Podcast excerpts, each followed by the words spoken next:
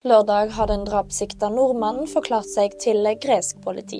Han hevder å ikke huske noe av voldshendelsen som førte til at en gresk politimann ble drept i byen Tessaloniki natt til torsdag. Det opplyser forsvareren i en SMS til VG. Nordmannen er sikta for drap, drapsforsøk og ulovlig våpenbesittelse. Klimaaktivister blokkerte motorvei i Amsterdam. Protesten var mot banken INGs støtte til fossile prosjekter. Extinction Rebellion krever at ING stopper all finansiering av olje og gass. Det skriver NTB. Slipknot saksøkes av sin avdøde trommis. Joey Jordansen døde i 2021, og forvalterne mener bandet tjener penger på hans etterlatte eiendeler.